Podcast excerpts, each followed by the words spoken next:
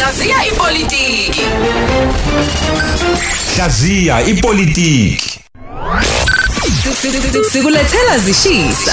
Okusha kodwa kuyivuka Africa Breakfast Show. Kanti ke usekhona umhlaziyi wezepolitiki umnumzane uNhlanhla Mtaka mfowaka noMajalimane asikubingelele ekseni emsakazweni uKhosi FM. abendlovu benamandla enhla nasezantsi siyayibingela dadewethu Mm uyazi isihloko namhlanje e- e- esivela naso. Isokuthi esithe- esithenjini sabavoti nemali kumaqembu epolitiki intandokazi kuba yiyona imali. Mhlawumbe ungathi ukusivula nje kancane lesi sihloko.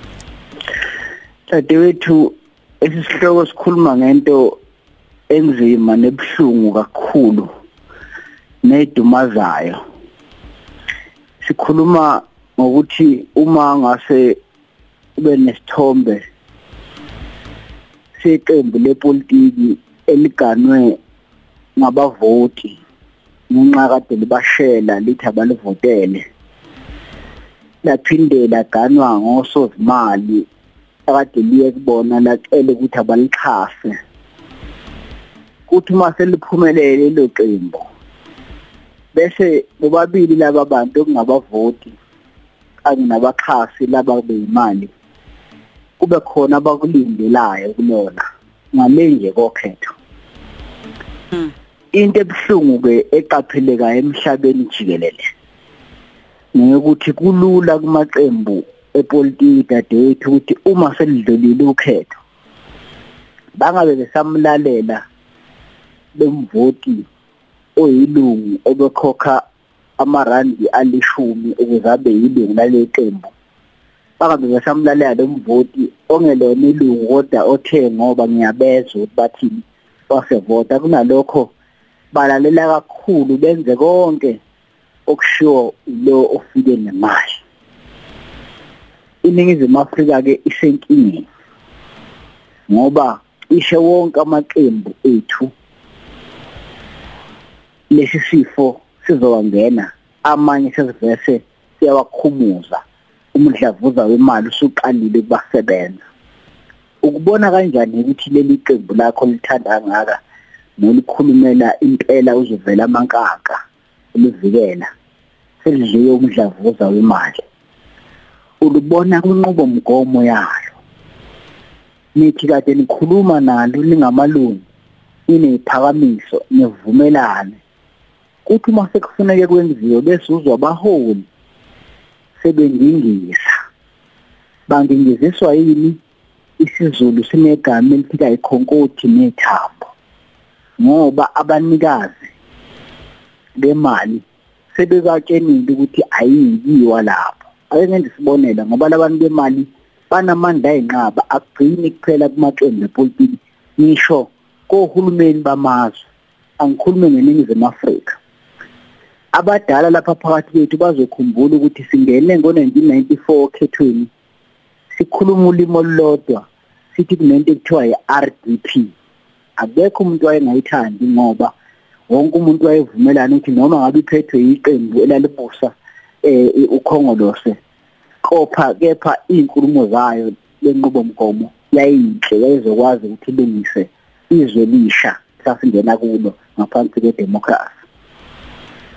Sithe sisathi siyanyakaza nje nomhlonishwa uMandela ethi uyahamba ukhuluma ngale RDP base bemkhumbuza labantu abamtsheleka imali ngo1993 ehamba no de Klerk eku International Monetary Fund laba phethe imali zomhlaba ukuthi awu doda amadoda uke wafika lapha kithi uzocela ukuthi asilekelele iningizimu Afrika yayisaphethe ngo de Klerk ukuze nikwazi ukubusa nani uma senifika le mali wayithatha wawutheke kunezinto ongeke uzenze uzokwenza kanje. Bazokhumbula abadala yasuka iRDP yasibizwa nokubizwa sitshela sisukelani kwase kungena uhlelo ekuthiwa yigiya uhlelo lwegiya ke kwakuuhlelo lolu olwalesekwa yilaba besinika imali.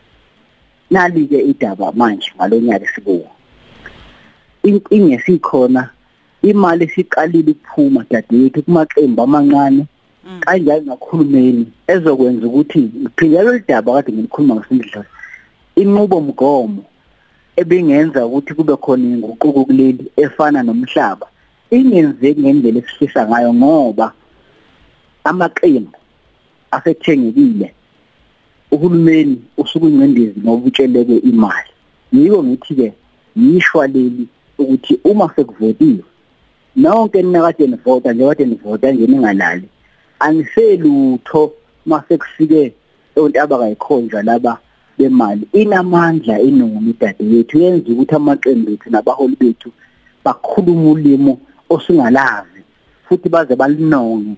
Bathi siya bathi siyalazi singalazi. Nathi sigcine sesicabanga ukuthi thina esinephutha kanti inono isikhulumile kubaholi bethu yishwa leli dade yethu okungaphela usuku sixoxa ngalo eh siqhamuka nanecazelo zalo kodwa ngeshwa selisingene uma ungangikholwa hamba kwa-IEC manje kuwebsite yabo kusivindalo yebo sabo website uyobuka ukuthi obani yasebeqalile ukuvela ukuthi baxhasa lamaqembu siwathandayo lamaqembu siwavotele musu ubone lokho ke usuyazi ukuthi kunemnqubo mgomo ngeke bayivume ngoba sebedlile. Hamba kwa-IEC ungabuki mina. Shona kwa-IEC kusivindalo manje umuqeda lapha bese uthola ukuthi obani nabo uma ungakwenzi lokho nathi sokulekelela lapho ku-Facebook sebayede sikutshene ukuthi lo usethola imali engaka eyithola kubani ngeke salunga ke sekonakele. Mm. Siyabonga kakhulu eh nanokuthi nje futhi ke ukwazi ukusikhumbuza ukuthi ke mhlambe ke abafisa ukwazi kabanzi eh benze kanjani ama kanti nama podcast ke akhona eh alo lolu hlelo la esithi khona ke hlaziya ezepolitiki eh nonhlanhla mtaka. Siyabonga kakhulu eh mfoka kaNomajalimani sithokoza kakhulu dadewethu nabendlovu Le yivuka Africa Breakfast Show. ukhozi FM Hamba phambili. phambili